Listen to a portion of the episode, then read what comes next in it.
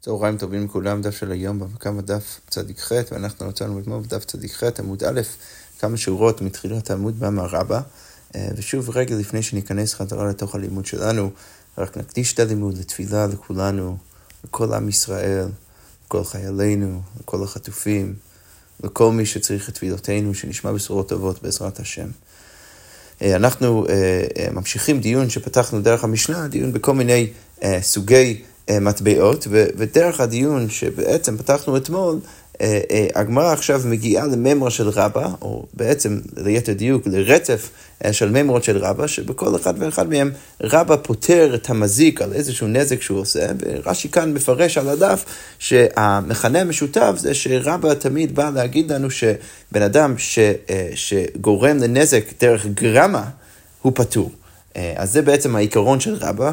אה, רוב הפעמים אנחנו נראה שרבא מקשה עליו, ואז אה, צריך, צריך על גבי זה לתרץ. אז הגמרא אומר ככה, אמר רבא, הזורק מטבע של חברו לים הגדול פטור. בן אדם שזרק מטבע של חברו לתוך הים, אז הוא יהיה פטור. עכשיו, כפי שנראה עוד שנייה, אנחנו נראה שמדובר במקרה שהוא לא זורק ביד, הוא לא לוקח את, ה, את המטבע של חברו וזורק את זה ביד לתוך הים, אלא מדובר, מדובר במקרה שחברו מחזיק את המטבע והוא דוחף את היד של חברו כדי כדי שהוא בעצם יזרוק את המטבע אה, לתוך הים, וזה נחשב כ- כמקרה של גרמה שהוא רק גורם להפסד של חברו. למה? כי החבר שלו יכול אה, להזכיר מישהו, איזה פועל, להיכנס לתוך הים ולמצוא את המטבע ולקחת את המטבע ולהוציא את זה משם, ו- ו- ו- ולכן ההפסד שרב, ש- ש- שהבן אדם גורם לחברו זה רק דרך... דרך גרמה, הוא יכול עכשיו, אה, אה, אה, הוא יכול עכשיו אה, להיכנס לתוך הים ולהוציא את המטבע, רק שהוא יצטרך לשלם עבור זה כסף, ולכן הכסף שהוא היה צריך לשלם זה בעצם הכסף שהמזיק כאן גורם לו להפסיד, אבל זה רק דרך גרמה, כי לא עושה את זה אקטיבית עם הידיים שלו, ולכן במקרה הזה הוא יהיה פטור, והגמרא רק אומרת, מה איתיימה, אה, אה, אז... אה, אז, אז רב בא ואומר שלמה המזיק פטור? כי המזיק יכול להגיד לחברו, אמר, המנח קמח, איבית שקלי, הרי המטבע כאן לפניך, אם אתה רוצה, אתה יכול להיכנס לתוך הים, אתה יכול להביא מישהו אחר להיכנס לתוך הים, והוא יכול להוציא את זה משם. ולכן, אה, ולכן אה, ההוא שזרק את המטבע לתוך הים, אז הוא יהיה פטור. רק אומרת, והנימילי אבל רק כשמדובר על מים צלולין, רק אומרת, והנימילי בצלולין. תיקחה זה, אתה רואה את המטבע הזה ממש שם, אתה יכול להיכנס ולקחת את זה משם. אבל החורין, אבל במים אחורים שאתה לא יכול לראות בתוך הים, זה לא אה, אה, אז במקרה הזה, לא, רק מה אומר, במקרה הזה ודאי שהזורק יהיה חייב. ועוד אה, צמצום, רק מה אומר, כפי שאנחנו הסברנו מלכתחילה, והנימילי דעד יהיה עדויה, שהוא דחף את היד של חברו כדי לזרוק את המטבע בפנים. אבל שקלה בידי, אבל אם החבר לקח את המטבע ביד שלו, אז מגזל גזלה, באותו רגע שהוא לקח את זה ביד, אז הוא בעצם גזל את זה, ולכן השבה בא עם ולכן הוא צריך לעשות השבה, זה בעצם החיוב שלו עכשיו להחזיר לו את המטבע. אוקיי, על גבי זה, אבל הגמרא אומרת, מה תברא, האם זה באמת נכון שכשדבר נמצא בתוך הים אנחנו מניחים שיש אפשרות ללכת ולקחת את זה? הרי רב בא ומצטט ברייתא, ושוב אנחנו חוזרים להקשר של מייסר שני, שכתוב שם בתוספתא, במסכת מייסר שני, אין מחל לנעמוד שאין ברשות. הבן אדם לא יכול להעביר את הקדושה של המייסר שני שלו על גבי כסף, על גבי כספים שהם לא נמצאים ברשותו. כיצד? ממשיכה הברייתא ומסבירה, היו לו מעות בקסטירה או בהר המלך, מקומות מאוד רחוקים וקשה להגיע לשם, או שנפל כיסו לים הגדול, או שהכסף שלו נפל לתוך ים הגדול. מחללים. עכשיו, מה משמע מכאן? משמע מכאן שכשהכסף נמצא בים הגדול, אתה צריך להניח שזה בעצם לא אצלך, אתה לא יכול סתם אה, להגיע לשם בקלות ולהוציא את הכסף משם, ולכן אין מחללים. אז רב בא ואומר, איך אתה רבא בא ואומר שבמקרה שהוא זרק את המטבע של חברו לתוך ים הגדול, שהוא פטור. הרי לכאורה מהתוספתא במייסר שני, אנחנו צריכים להניח שהכסף בים הגדול זה בכלל לא, זה, זה בכלל לא אצלו. אז היא אומרת, אמר רבא, שאני לעניין מייסר. אה, אז רבא אומר לך, נעמי, באמת, במייסר זה ככה נשמע, אבל אפשר להגיד שהסוגיה של מייסר שני שונה. למה? דבעינן מצוי בידיך, כי הכסף צריך להיות מצוי ממש בידיך כדי לחלל את הקדושה של המייסר שני על גבי המאות. למה? כי זה דרשה שאנחנו דורשים מהפסוק דרך מנו אמר, וצרת הכסף בידך ולגע. זה צריך להיות דווקא כסף שהוא נמצא בתוך היד שלך, ורק אז אתה יכול לעשות את מעשה החילול, מעשה הפדיון, אחרת אתה לא יכול, ולכן דווקא שם אתה לא יכול, ולגבי נזיקין אולי אפשר עדיין להגיד שהזורק את, את המטבע של חברו לתוך הים הגדול יהיה פטור. אוקיי, עכשיו המם רבא של רבא, ואמר רבא, השף מטבע של חברו פטור, בן אדם שעושה מעשה שיפה במטבע של חברו ובעצם מוריד את הצורה של המטבע, אז גם במקרה הזה יהיה פטור, לכאורה גם כן מקרה של גרמה, למה זה מקרה של גרמה? כי הוא לא גורם ל... לנזק ממשי, אלא רק גורם לכך שבן אדם הזה עכשיו יותר, יותר יהיה לו כושר עכשיו להשתמש במטבע הזאת, אה, הזה בשוק. אז כמו אומרת, מה איתה? למה שיהיה פטור? דהלו עוול ולא מידי, לא באמת עשה שום דבר, הוא לא, אה, וכאן ההנחה היא, כפי שאנחנו נראה עוד שנייה, הוא לא מוריד פיזית מהמטבע, הוא רק שף את הצורה. ולכן אה, הוא משתמש באיזה כלי שרק מוריד את הצורה, אבל לא, את ה, לא חלק מהמטבע הפיזי, ולכן בגלל שהוא לא עשה משהו, משהו פיזי בתוך המטבע, אז אני מניח שהוא יהיה פטור. הפוך. והגמרא אומרת, והנימילי דמחי בקורנסה ותרשי, זה רק במקרה, כמו שהסברנו עד עכשיו, שהוא משתמש בכלי שנקרא קורנסה, רש"י כותב סוג של אה, פטיש, ותרשי והוא מוריד את הצורה. אבל שייפה בשופינה, אבל אם הוא לוקח כלי של, של הנפח וממש מוריד את, ה, את, את הבליטה של הצורה, אז חסורי חסרי. אז במקרה הזה הוא באמת חיסר משהו ממשי לבן אדם, ולכן במקרה הזה הוא יהיה חייב. ושוב על גבי זה רבא מקשה, מה טיב היכהו על עינו ושמאה, על אוזנו וחרשה, עבד יוצא בהם לחירות. אז אם בן אדם מכה את העבד שלו על העין שלו, והוא בעצם... אה, אה, אה, מוריד לו את העין, או, או, או הופך את העבד להיות עכשיו עיוור, או שהוא מכה אותו על האוזן שלו והופך אותו להיות חירש, עכשיו האוזן, עכשיו האוזן שלו לא עובד, אז בשני המקרים האלה העבד יוצא בין לחיות, אבל אם הוא היכה אותו כנגד, לא היכה אותו, סליחה, אם הוא היכה כנגד עינו ואינו רואה, או כנגד אוזנו ואינו שומע, אז בשני המקרים האלו אין עבד יוצא בין לחיות. עכשיו, מה אבל אני לומד מכאן? אז הרב בא ואומר, לכאורה, כשבן אדם מכה בן, בן, בן אדם אחר, מכה את העבד שלו על העין שלו או על האוזן שלו, הוא לא, הוא לא מחסר שום דבר בעבד, הוא לא מוריד משהו מהעבד ממש פיזית, אבל עדיין אני אומר שהוא עושה מספיק נזק בגוף שלו כדי לשחרר את העבד. אז כנראה שמה אני מניח מכאן, רש"י כותב, עלמא אף על גב דלא חסרי כיוון דעשה מייסה בגופו, לאו גרמה כחשיב ליה. אז רש"י בא וכותב, מה אני לומד מפה? שברגע שהוא עושה משהו בגוף שלו, אפילו אם הוא לא מוריד משהו פיזי, עדיין זה לא נחשב כגרמה, ולכן הוא חייב לשחרר את העבד. זה לא כמו רבא, כי רבא רצה להגיד, שאפילו במקרה שאתה עושה מעשה פיזי בתוך המטבע, כל עוד אתה לא מוריד שום דבר, אז אתה פטור. אז הגמרא אומרת, כנראה שקשה מהברייתא עד רבא. אז הגמרא אומרת, ורבא לטעם, צריך להגיד שרבא הולך לשיטתו, שמה?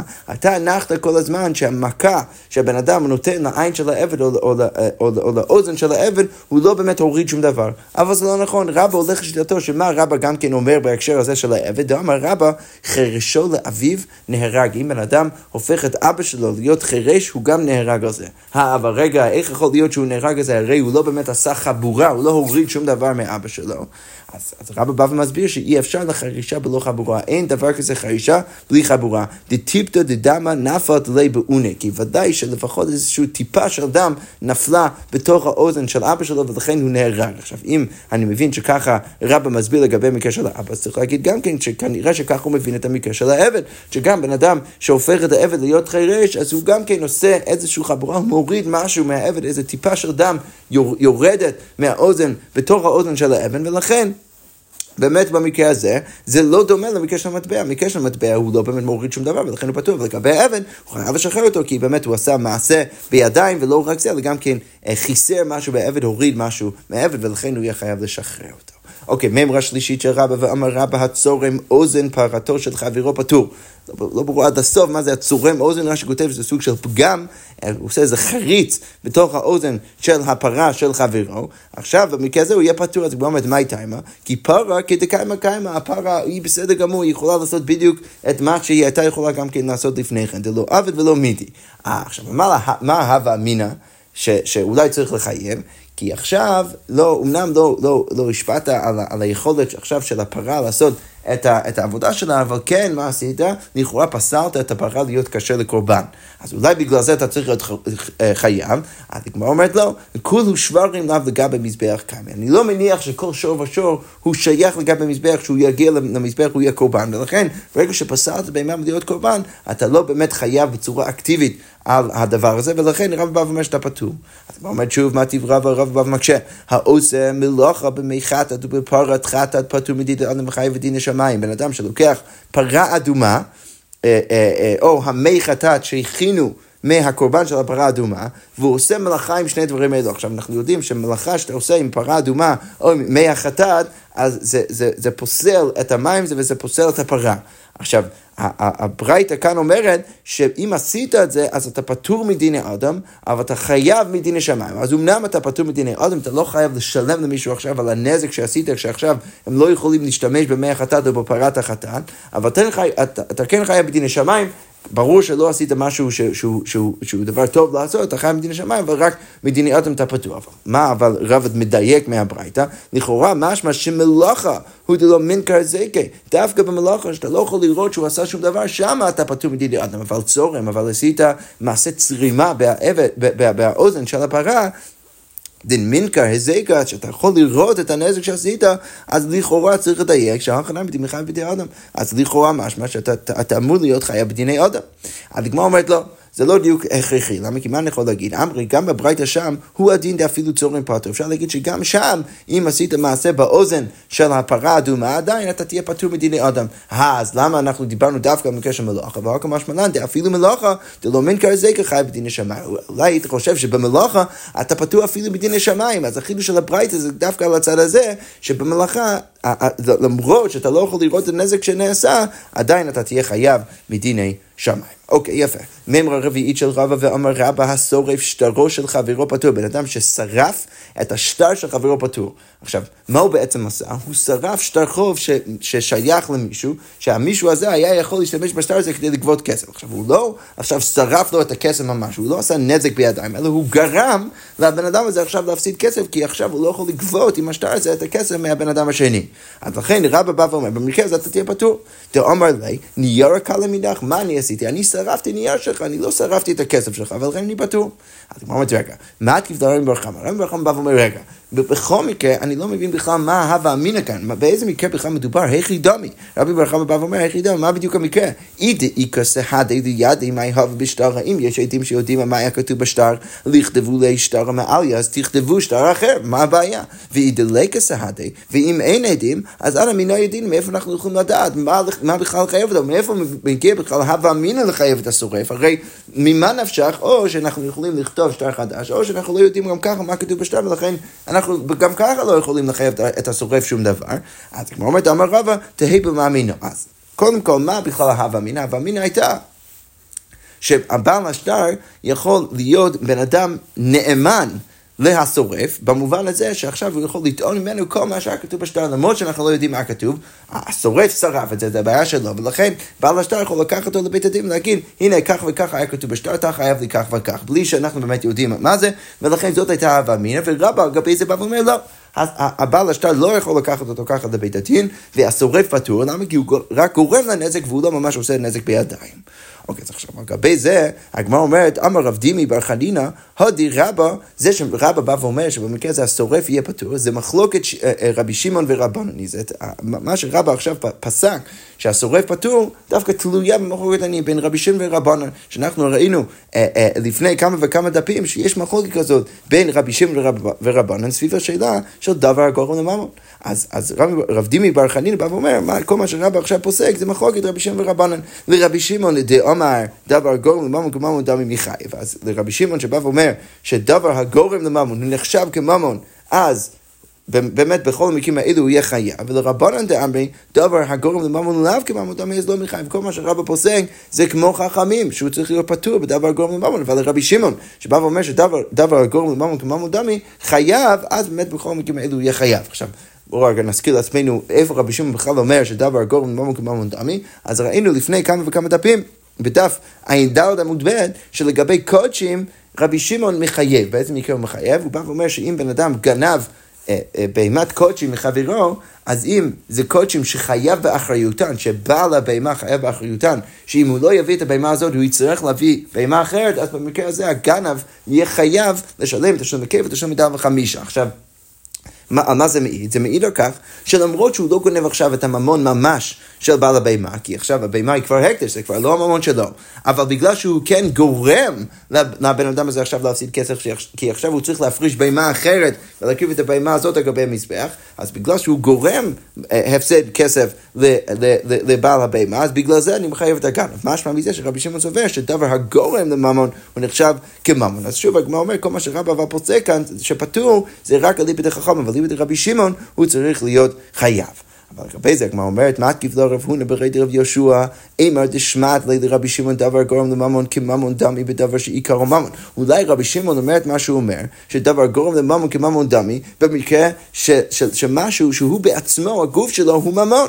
כדרבה, כמו המקרה הבא של רבא שאנחנו נסביר עם, עם חמץ בפסח, תכף אנחנו ניכנס לזה, אבל אני רק אה, לפני זה מקדים את המבנה של הקושייה. רב פון פרדי יהושע יבוא ויגיד, אולי רבי שמעון אומר את מה שהוא אומר רק בדבר שעיקרו ממון, אבל דבר שלא עיקרו ממון, אולי בכלל רבי שמעון יסכים, ולכן אולי רבי שמעון אפילו יסכים, אפילו רבי שמעון יסכים לרבא במקרה שהשורף את, את השטר של חברו, כי בסוף השטר עצמו הוא לא גופו ממון. אז בואו עכשיו ניכנס לתוך, ה, לתוך הטענה של רב פון פרדי יהושע. אז שוב, הוא אומר ככה, אמר דשמט לידי רבי שמעון דבר גורם לממון כממון דם מדבר שעיקרו ממון, אולי הוא צובר את זה במקרה של דבר שעיקרו ממון, כמו איזה מקרה? כדרבא דאמר רבא, גזל חמץ לפני הפסח. בן אדם גזל מבן אדם אחר אה, חמץ לפני הפסח, הוא בא אחר ושרפו במועד פטור, שהכל מצווין עליו. אז אה, אם בן אדם אחר מגיע בתוך המועד ושורף את החמץ הזה באמצע הפסח, אז השורף יהיה פטור, שהכל, שהכל מצווים עליו לבערו, כי בפסח כולם מצווים על החמץ הזה לבאר את זה. עכשיו, מה בכלל ההווה אמינא? בואו רק נסביר. אז ההווה אמינא היא שאנחנו יודעים שלכאורה בן אדם שגוזל אה, חמץ מחברו, כפי שאנחנו רואים במפורש במשנה, אנחנו עוד גם נחזור לזה בהמשך הדף, בן אדם שגוזר חמץ מחברו בפסח, ועכשיו עבר עליו הפסח. עכשיו, החמץ הזה הוא מה שנקרא חמץ שעבר עליו הפסח, הוא אסור, אסור לאכול אותו. עכשיו, במקרה הזה אנחנו בכל מקרה אומרים שבגלל ששום דבר לא קרה פיזית לחמץ, הגזלן עדיין יכול להגיד לביילים, הנה יש לך לפניך, אני מחזיר לך את החמץ, למרות שהוא לא יכול לעשות עם זה שום דבר. עכשיו, אם הוא לא יחזיר לו את החמץ, אם לא יהיה לו את החמץ להחזיר, אז מה הוא יצטרך כמובן לעשות? הוא יצטרך לשלם לו ממון, הוא יצטרך לשלם לו כסף.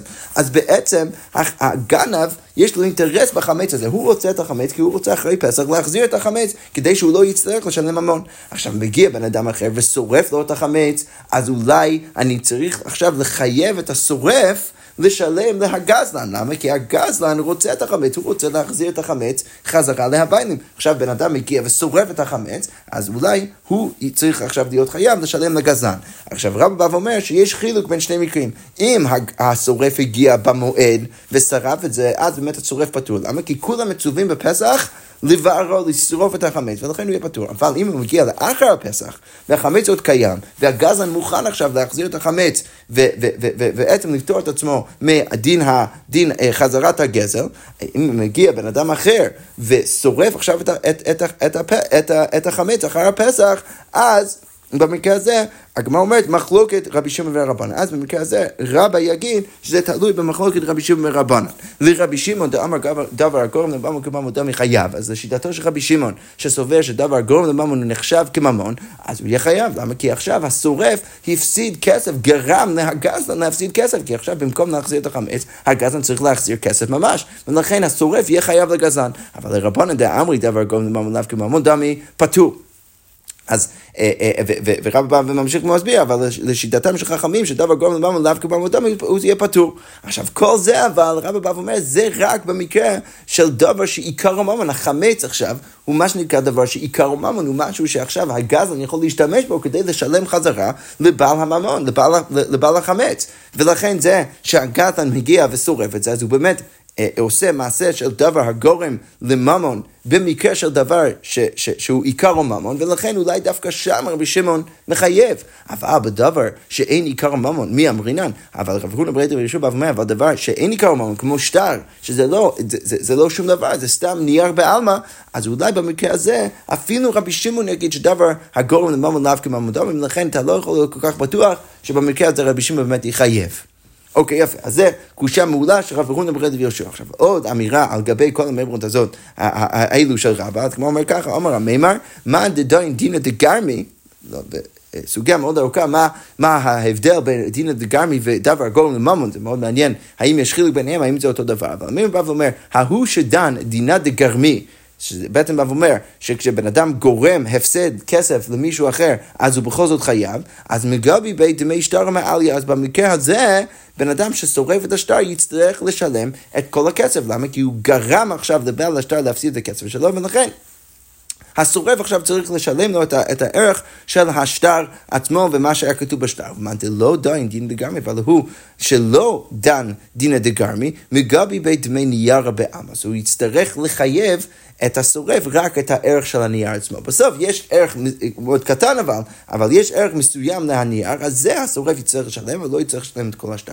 אז יש פה בעצם כמה דיונים על גבי הממר של רבא, רבא, לרבא זה היה מאוד ברור. שהשורף יהיה פטור. על גבי זה אמרנו שאולי זה דווקא תלוי במחלוקת הנעים בין רבי שין ורבנן. רב חונן בן יהושע בא ואמר, לא, יכול להיות שאפילו במקרה, שבמקרה שלנו אפילו רבי שמעון יפתור. למה? כי זה לא מדובר על דבר שעיקרו ממון ולכן אולי גם רבי שמעון יפתור. ועכשיו קיבלנו חילוק אחר של המימר בין ההוא דדן דינא דגרמי אה, אה, וההוא שלא דן דינא דגרמי, בא ואומר שמי שדן דינא דגרמי אז השורף יצטרך לשלם את כל הערך של השטר, ומי שלא דן דינא דגרמי אז הוא יצטרך בכל מקרה אבל לשלם את דמי הנייר. עכשיו הגמרא מסיימת את, את הסוגיה ואומרת, הווה עובדא וכפיה רפרם לרב אשי. היה מקרה באמת שרפרם הכריח את רב אשי לשלם אה, כפי, ה, כפי הערך, הערך השלם של, הש, של השטר. אז הגמרא אומרת, אז היה מקרה שהכריח רפם לרב אשי ואגבי בי כי קשור לצם, הוא חייב אותו לשלם אה, אה, את הקורה שמשתמשים בו כדי לבנות איזה צלם או איזה משהו, קורה ממש ממש ממש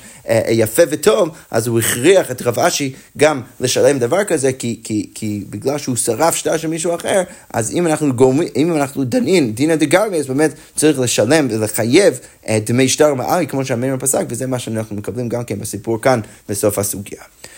אוקיי, יפה. אחרי כל זה אנחנו חוזרים חזרה למשנה, מקרה שראינו עכשיו דרך הסוגיה, אבל עכשיו אנחנו חוזרים אל ההקשר של המשנה עצמה, ראינו במשנה שאם בן אדם גזל חמץ מבן אדם אחר ועבר עליו הפסח, אז אמרנו לכאורה לכולי עמא, שהוא יכול להגיד לו אחרי הפסח, אומר לו, הרי שלך לפניך, הוא יכול להחזיר את החמץ ולהגיד, הרי שלך לפניך, הגזלן לא קנה את החמץ על ידי זה שעכשיו עבר עליו הפסח, ולכן הוא עדיין יכול להחזיר את זה לביילים, ו, והוא פוטר את עצמו מהדין של, של החזרת הגזל. אז הגמר עכשיו אומר ככה, מן תנא אומרים באיסורי הנאה, הרי שלך לפניך, מי התנא שסובר שגם באיסורי הנאה, גם בדבר שהוא אסור בהנאה, כמו חמץ שעליו עבר עליו הפסח, אנחנו בכל זאת אומרים שהגזל עדיין יכול להגיד הרי שלך לפניך, מי התנא שסובר ככה? אז הוא אומר, רב חיסדא רבי יעקב, זה דווקא שיטתו של רבי יעקב, זה תנא כתוב בברייתא, שור שהמית עד שלא נגמר דינו, אז אם יש שור שהמית מישהו, בן אדם, עכשיו, השור הזה הולך להסתכל, אבל עוד לפני, הגמר עכשיו שואל בברייתא, מה קורה עוד לפני שנגמר דינו למיטה לסגילה? אז, אז, אז הברייתא אומר ככה, עד שלא נגמר דינו לסגילה, מיכר או מכור, הקדישו מוקדש, שחטו בשרו מותר. אם הביילים לוקח את השור שלו והוא מוכר את זה, או שהוא מקדיש את זה, או שהוא שוחט את זה, אז בכל אחד ואחד מהמקרים האלו, אז הוא הצליח לעשות את זה מחר או מחר, זה באמת נחשב כמכר, הקדישו מוקדש, זה עכשיו נחשב כהקדש, ושחטו בשר מותר. אם הוא שחט את הבהמה, הוא יכול לאכול את הבשר. ולא רק זה, אלא גם כן החזירו שאומר לבעליו, אם כל מה שהשור העמיד בן אדם אחר, ועכשיו דינו לסקילה קרה, אבל מתחת לרשותו של השומר, ועכשיו השומר מחזיר את זה חזרה לבעליו, מוחזר, הוא עשה את שלו, הוא החזיר את הבהמה לפני שנגמר דינו לסקילה, והכל בסדר גמור. אבל אם כל זה קרה מי שנגמר דינו, אז הברייתא אומרת, מחר הוא אינו מכרו, הוא עכשיו לא יכול למכור את השור, אנחנו יודעים שאחרי שנגמר דינו לסקילה, עכשיו השור אסור בהנאה, אז אם הוא מכר את זה, לא מכור. הקדישו, אינו מוקדש, שחטו בשרו אסור, בכל מקרים אנחנו נגיד בדיוק הפוך, ולא רק זה, שאם החזירו, שאומר לבעליו, אם עכשיו השומר החזיר את זה חזרה לבעליו, אינו מוחזר. הוא לא באמת הצליח להחזיר את זה בזמן, ולכן השומר עכשיו צריך לשלם את הערך של השור חזרה להבעלים. אוקיי, ורבי יעקב אבל אומר, אף מי שנגמר דינו, החזירו שומר לבעליו מוחזר. אפילו לאחר שנגמר דינו, ועכשיו השור אסור בהנאה, עדיין השומר יכול להחזיר את לבעליו, וזה נחשב כמוחזר. עכשיו, מה משמע מזה? שרבי יעקב דווקא הוא ההוא שסובר שבאיסורי הנאה אפשר להגיד הרי של כוונך, כמו שאצל השומר הוא יכול להגיד לבעל השור, הרי של כוונך, אני מחזיר לך את השור למרות שזה אסור בהנאה, לשיטתו של רבי יעקב. אז כמו כן, לכאורה הוא התנא של המשנה שסובר שהגנב, שהגזלן שגזל חמץ ועבר לבא פסח עדיין יכול להגיד הרי של כוונך. הגמרא אומרת, מה אליו באקא מפחי? לכאורה זה בדיוק המחלוקת, שאנחנו עליו מנסים להצביע. דרבי יעקב סבר אומרים באיסורי נהר רשך אבניך, ורבנן סברי אין אומרים באיסורי נהר רשך אבניך. שרבי יעקב סובר שבאיסורי הנהר אפשר להגיד רשך אבניך, וחכמים חושבים שלא, בדיוק כמו שהסברנו. אז הגמרא אומרת לו, אמר לי רבא, אז רבא בא ואומר לרב חיסדא, לא, זה לא נכון. למה? כי נכון להסביר שאולי המחלוקת בין רבי יעקב ורבנן זה בכלל בשאלה אחרת. דכולי אמר הנאה אפשר להגיד רשך אבניך. כי אם לא היית אומר את זה, אם כן, נפלגו בחמש בפסח. אם רצית להגיד שלא כולם מסכימים על זה, היינו צריכים לצפות לראות מחלוקת בתוך המשנה.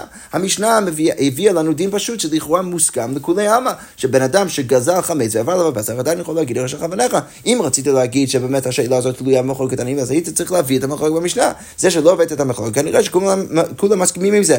אה, אז רגע, אז איך נסביר את המחלוקת בין רבנן ורבי יעקב בהקשר של השור? אז מה המחלוקת בין רב, ורבי יעקב שם, הכה בגומרין דינו של שור שלא בפניו כמפגם. הנקודת מחלוקת ביניהם זה האם אפשר לגמור את הדין של השור שלא בפני השור. האם זה אפשרי בכלל? וזה בעצם המחלוקת ביניהם וזה מוביל אותם לענף קמינה, האם השומר, אחרי שנקבע דינו, יכול להחזיר את, ה, את השור או לא.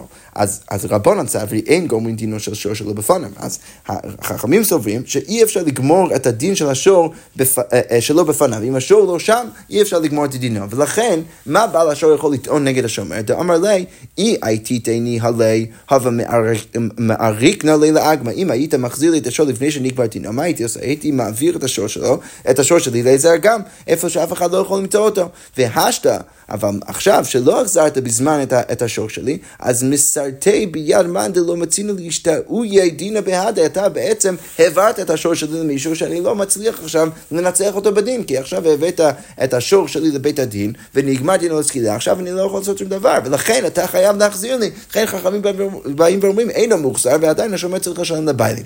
אבל מה רבי, רבי יעקב אומר? רבי יעקב סבר, כבר מסבירה, גומרים לדינו של שור שלו בפניו, אפשר כן לגמור את הדין של השור שלא בפניו, ולכן מה השומר יכול להגיד חזרה לביילים? למה אני פטור? דאמר לי, מהי עבדי לי? מה אני עשיתי? סוף סוף הווה גמרי לי לדיני שלא בפניו. אז בסוף אפילו אם הייתי מחזיר לך את השור והיית שם את השור באגם, היינו יכולים בכל מקרה לגמור את דינו של השור שלא בפניו, כי אני סובר שגומרים את דינו של השור שלא בפניו, ולכן, אה, ולכן לא עשיתי שום דבר שלא החזרתי את זה בזמן, גם אם, גם הייתי מחזיר את זה. אז היו גומרים את, את דינו של השור, ולכן, אה, ולכן אני פטור, אני עשיתי את שלי, אני החזרתי לך את השור. עכשיו, לכן אנחנו רואים שאולי אפשר להסביר שהמחלוקת בין רבנן ורבי יעקב זה לא סביב השאלה של באיסורי הנאה, אם אפשר להגיד הרי של רבנך, אלא זה בכלל סביב שאלה אחרת, וזה מסביר את המחלוקת שלהם שם, אבל לגבי אה, איסורי הנאה לענייננו, לכאורה, לכולי עלמא, ככה רבא טוען, לכולי עלמא אפשר להגיד שהרי שלך לפניך. עכשיו, הגמרא אומרת, אז, אז רק למסקנה, אם אני רק מסכם, אז מה ראינו? ראינו שרב חיסדא סובר שרבי יעקב הוא השיטה היחידה שסובר שבאיסורי נא אפשר להגיד רשע כוונך, ורבא דחה אותו ואמר, לא, זה לא בהכרח נכון, אולי אפשר להגיד שכולם מסכימים שבאיסורי נא אפשר להגיד הרשע כוונך. אבל איך שלא יהיה, רב חיסדא כנראה עדיין חושב שרבי יעקב הוא התנא היחידה שסובר ככה. אז עכשיו הגמרא מספרת סיפור, אשכחי רב חיסדא לרבא בר שמואל. אז רב חיסדא מצא את רבא בר שמואל, אמר לי, תנית מידי באיסורי נאה, אז, אז אז, אז רב, רב חיסדא שואל את, את, אה, אה, את, אה, את רבא בר שמואל, הוא שואל, הוא שואל אותו, האם יש לך איזה משנה, איזה ברייתא, משהו, אתה יכול ללמד אותי באיסורי הנאה? אז אמר לי, אין. אז, אז רבא בר שמואל בא ואומר לו, כן, תנינה כתוב בברייתא ככה, והשיב את הגזילה, ככה כתוב בתורה, והשיב את הגזילה אשר גזל. עכשיו, התנאים קוטעים את, את, את, את, את הפסוק באמצע ודורשים אותו. ואומרים ככה, והשיב את הגזילה, מה אתה לא אמר אשר גזל? למה אתה צריך להגיד לי אשר גזל? הרי כבר אמרת, השיב את הגזילה.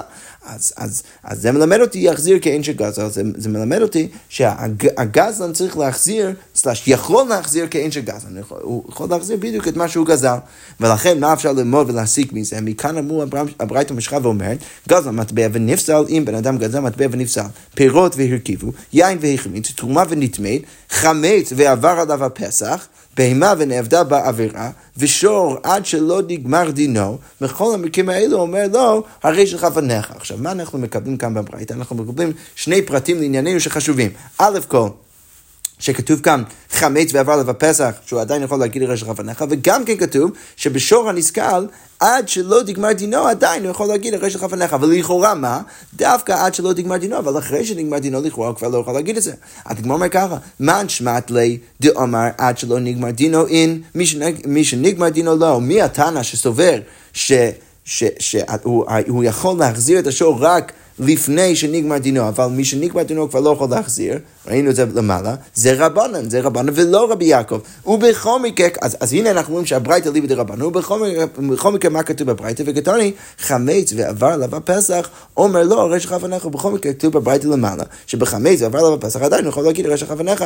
אז הנה מה אנחנו רואים? שגם חכמים סוברים שבחמץ אפשר להגיד שהרי שלך לפניך, כנראה שגם חכמים מסכימים שאפילו באיסורי הנאה אפשר להגיד שלך לפניך, וזה לא רק שיטתו של רבי יעקב, זה לכאורה דחייה של שיטתו של רב חיסדא למעלה. כלומר, רב חיסדא בא ואומר, אם משכחת לו, אם אתה רואה את בני הישיבה, לא תמר לו ולא מידי. אל תגיד להם שאתה בעצם הבאת לי ברייתא שבאמת מקשה על שיטתי, אני מבקש ממך אל תספר להם, אבל נכנע ברור שאתה צודק, שזה לא רק רבי יעקב, אלא זה גם כן חכמים שיגידו שאפילו בישראל נאה אפשר להגיד שלך לפניך. אוקיי, יפה. עכשיו אנחנו נחזור חזרה למשנה. אמרנו במשנה גם כן, אם בן אדם גזל פירות והרכיבו, עדיין הוא יכול להגיד, אומר לו, הרי שלך לפניך. אז כמו רגע, והתנן הרי כתוב. אה, במשנה שאנחנו עוד, אה, ש, ש, אה, ש, שראינו בדף צדיק ו' עמוד ב', שכתוב שם במשנה, פירות והרכיבו משם כשעת הגזילה. אז אמרנו בדיוק הפוך מה שאמרנו במשנה כאן. במשנה כאן, מה אנחנו אומרים שבפירות והרכיבו, אומר לו, רש לבניך, אז אני יכול להגיד, הנה אני מחזיר לך את הפירות. אבל במשנה שם, מה אנחנו אמרנו? פירות והרכיבו משם כשעת הגזילה, הוא צריך לשלם כשעת הגזילה. כנראה שמה אנחנו אומרים? שברגע שהפירות נרכבו, אז... אז, אז הגזלן בעצם קנה את הפירות על ידי השינוי הזה, ולכן הוא צריך לשלם קשת הגזילה, ולא יכול להגיד הרי שלך לפניך, בדיוק סותר את המשנה שלנו. אז הוא באמת לא קשה, אמר רב פאפה, כאן שהרכיבו כולן, כאן שהרכיבו מקצתן. אז במקרה שהרכיבו כולן, אז באמת צריך להגיד שהגזלן קנה, ולכן הוא צריך לשלם עכשיו קשת הגזילה. אבל אם זה רק מקצתן שהרכיבו, עדיין הוא יכול להגיד, הרי שלך לפניך. אוקיי, יפה, עכשיו אנחנו נמשיך עם המשנה הבאה, והמשנה אומר ככה, נתן אומני לתקן. עכשיו, עד עכשיו אנחנו דיברנו בשאלה של גזלן. גזלן, גזלן שגזל משהו, עבר איזשהו שינוי בחפץ שהוא גזל, שאלה האם הוא קנה את זה, לא קנה את זה, מה הוא צריך לשלם חזרה. עכשיו אנחנו בעצם עוברים לנושא מאוד מקביל לזה, שזה כבר לא שאלה של גזלן, אלא זו שאלה של אומן, שאלה של, של בן אדם שלא גזל חפץ, אבל כן עשה איזשהו שינוי בחפץ שהביאו לו מישהו, הביאו לו מישהו אחר לעשות בו עבודה, הוא עשה איזשהו שינוי, השאלה היא, סליחה, השאלה היא, מה האומן צריך לשלם חזרה אה, אה, לבית. סליחה. אוקיי, אז עכשיו המשנה אומר ככה, נתן לאומנין לתקן, בן אדם הביא משהו לאומנין, אנחנו תכף בגמרא אנחנו נתלבט מה בדיוק הוא הביא לאומן הזה, אבל בן אדם הביא משהו לאומן לתקן וקלקלו. והאומן קלקל את הדבר שהוא קיבל. אז המשנה אומרת חייב לשלם, הוא צריך לשלם לו לכאורה לפי הערך של הדבר שהוא קיבל מלכתחילה. אוקיי, אם בן אדם נתן לחרש אה, חרש זה סוג של נגר, בן אדם נתן לנגר שידה, תיבה ומגדל לתקן וקלקל, חייב לשלם גם במקרה הזה, החרש צריך לשלם את, הנזק שהוא עשה. אוקיי, והבנאי שקיבל עליו לסתור את הכותל, הבנאי, ש, שהתפקיד שלו עכשיו זה לסתור כותל, עכשיו כותל בנוי מכל מיני אבנים, אז בדרך כלל כשסותרים את הכותל רוצים לסתור את הכותל, ש, כלומר לסתור את האבנים, אבל לא לשבור את האבנים. עכשיו הבנאי הזה, שהתפקיד שלו היה רק לסתור את הכותל, בסוף מה הוא עשה? משנה אומרת שיבר האבנים או שהזיקן, או שהוא עשה נזק לאבנים, או שהוא ממש שיבר אותם.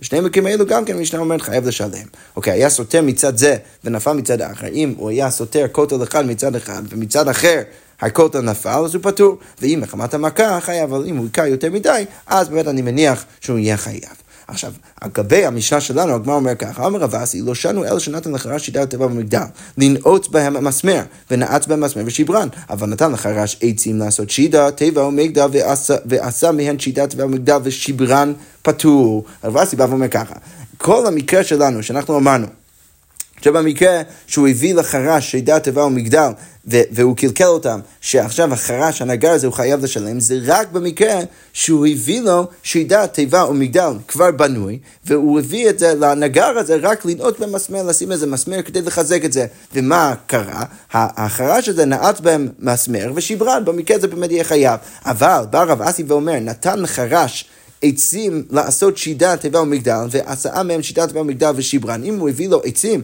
כדי לבנות שידה, תיבה ומגדל, והוא באמת בנה שידה, תיבה ומגדל, ואז דרך הבנייה שלו הוא שבר את העצים האלו, אז באמת במקרה הזה הוא יהיה פטור. אז היא אומרת, למה שהוא יהיה פטור? מה איתה?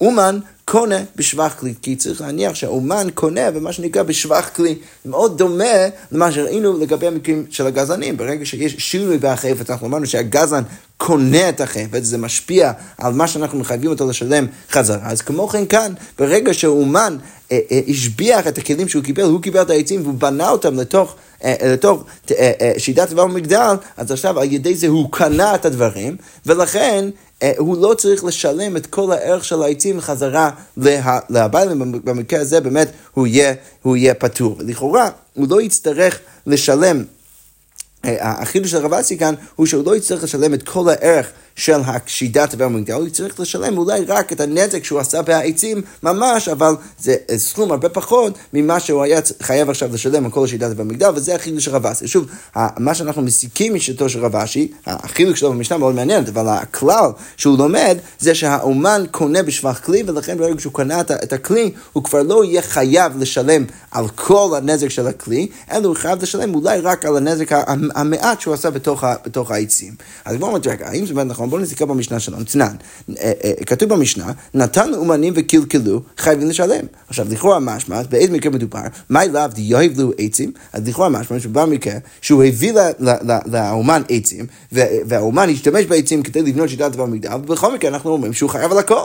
אז היא אומרת לא, לא הבנת נכון את המשנה, המשנה לא מדברת על מקרה שהוא הביא לאומן עצים, אלא מדבר על מקרה שהוא הביא לאומן שיטה דבר מגדל. ולכן דווקא במקרה הזה הוא יהיה חייב, כמו שרב אשי אמר, אבל במקרה שהוא הביא לו את העצים והוא בנה אותם להיות שיטה דבר מגדל, אז על ידי זה הוא קנה בשבח כלי ולכן הוא יצטרך לשלם הרבה פחות. אז כמו אומרת, רגע, אבל איך אתה יכול להסביר ככה? המי תקנון ספר, מה כתוב בדיוק בהמשך המשנה, שיטה, תיבה ומגדל, מכלל דרישה עצים, אז כמו אומרת, רגע, אבל זה שכתוב בהמשך המשנה, מקרה שהוא באמת הביא לחרה שיטת במגדל, אז ברור שאפשר לדייק משם שברישה הוא לא הביא, לא הביא לו שיטת במגדל, הוא הביא לו עצים. אז כמו אומרת לו, אמרי, פירושי כמפרש לו. אפשר להגיד שזה רק פירוש, איך צריך באמת להבין את המשנה, שהמשנה בעצם צריך לקרוא אותה ככה, כיצד נתן ומנין תקם ככלו חייבים לשלם. באיזה מקרה דיברנו ברישה? דיברנו במקרה שהוא הביא לחרה שיטת במגדל, כגון שנתן לחרה שיטת במגדל. ולכן אפשר להגיד שהכל בעצם מדובר רק על מקרה שהוא הביא לו כבר את השיטה, אה, שהוא כבר היה בנוי, והוא סתר את זה, ולכן הוא חייב לשלם את הכל. אבל אם הוא הביא לו את העצים, אז הוא יצטרך לשלם אולי את הנזק המעט שקרה לעצים, אבל לא את הנזק של כל השיטת במידה, כי הוא קנה בשבח כלי. הגמרא אומרת, ואחרונה מסתבר, אולי זה גם כן יותר הגיוני לקרוא ככה את המשנה. אה, סליחה, אז הגמרא אומרת, ואחרונה מסתבר, דקצר קטני, שככה צריך להבין את המשנה. דאיסא כדאי תחריש העצים, כי אם רצית להגיד שהרישה של המשנה מדבר על עצים, אז השתא, אשמינן עצים חייב לשלם. אז עכשיו חידשת לי שאפילו במקרה של עצים, שאולי הייתי יכול להגיד שהאומן קונה בשבח כלי, ובכל מקרה מחדש לי שהאומן צריך לשלם את הכל, ולא אומרים לנו אומן קונה בשבח כלי, ואנחנו לא אומרים שהאומן קונה בשבח הכלים, אז שידה תיבה ומגדל מבעיה, אתה בכלל צריך לחדש לי שהוא יהיה חייב על שידה תיבה ומגדל, שהוא קיבל את זה ככה, ברור שלא. אז אם אתה לא מבין שהמשנה במבנה של כיצד, שבעצם הכל מדבר על מקרה אחד, אז יש פה משהו מיותר, מקרה שני לכאורה מיותר. מיותר במשנה. אז היא אומרת לו, אם משום מה, אם רצית להוכיח ככה, לא עיר, זה לא באמת ראייה, כי אני יכול להגיד, תנא ספר לגולי רישא, אפשר להגיד שהבאנו את המקרה השני רק כדי לגלות במה דיברנו במקרה הראשון, שלא תאמר רישא שידת והמגדל, אבל עצים לא, שלא תדייק ותגיד שהאומן חייב רק אם הוא קיבל את זה כשידת והמגדל, אבל במקרה של עצים לא, ולכן נתן הסיפא שידת והמגדל, לכן הבאנו בסיפא את המקרה של שידת והמגדל, כדי לדייק משם שבטח הרישא מדבר על, על, על איזה מקרה, בכלל רישא עצים, ואפילו הכי חייב לשלם, אז שאפשר לדייק משם שהרישא מדבר אפילו על עצים, ואפילו הכי חייב לשלם. יפה, אז איך שלא יהיה, לא ברור אם אפשר להביא אה, ראייה או קושייה לרב אשי, לרב אסי מה, מה, מה, אה, אה, מהמשנה, אבל איך שלא יהיה, קיבלנו אה, בכל מקרה.